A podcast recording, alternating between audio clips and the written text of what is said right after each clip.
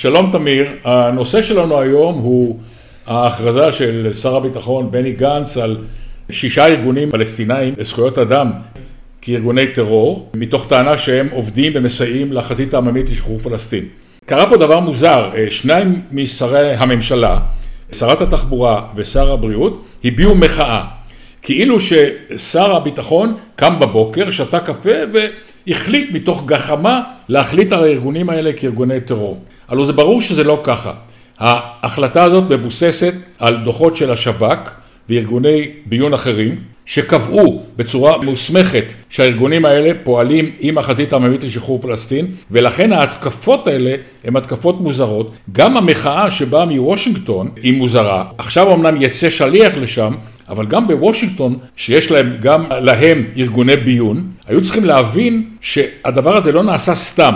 אלא יש פה בסיס עובדתי לדבר הזה, ולכן הסיפור הזה הוא מרים גבות, ולדעתי הוא מיותר. אכן, הארגונים האלה שמוצגים כארגוני זכויות אדם, וכנראה היום מוכרים לשמאל הישראלי כארגונים שעיקר פעילותם בזכויות אדם, הם בעצם תשתית פיננסית ותשתית תמיכה בארגון החזית העממית, שהיה ארגון רדום יחסית לאורך אה, שנים. אנשי הארגון הזה חידשו את פעילותם, והפעילות הזאת הגיעה לשיא ברצח של אה, רנה שנר בשומרון. הארגונים האלה מאפשרים הזרמת כספים שגויסו בצורה חוקית אה, למימון של אה, פעילים, מימון פעילויות, אמצעים שמאפשרים לארגוני טרור לפעול, והדברים האלה ידועים בכל ספרי הטרור. תמיד לארגוני טרור קיימת תשתית תמיכה שמבוססת על ארגונים לגיטימיים, שרק הם יכולים בעצם לגייס כספים בצורה חוקית. וההתעוררות של השמאל הישראלי לתקוף את ההחלטה של שר הביטחון ומשרד הביטחון כדי להוציא אותם מחוץ לחוק, החלטה לגיטימית לחלוטין, היא שטחית, מכיוון שהפעילות הזאת היא פעילות אה, סמויה, זה בדיוק מה שארגוני הטרור רוצים, שיחשבו שהפעילות של הארגונים התומכים האלה היא פעילות חוקית. נכון, ואם אנחנו לוקחים את הדוגמה של עזה למשל,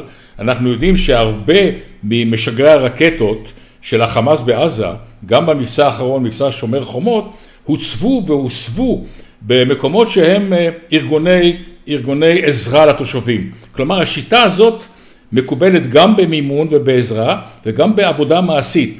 שמים, משגרים ליד בתי חולים, ליד uh, מרפאות, ואז קשה מאוד לצה"ל לתקוף מתוך חשש לפגוע באנשים חפים מפשע.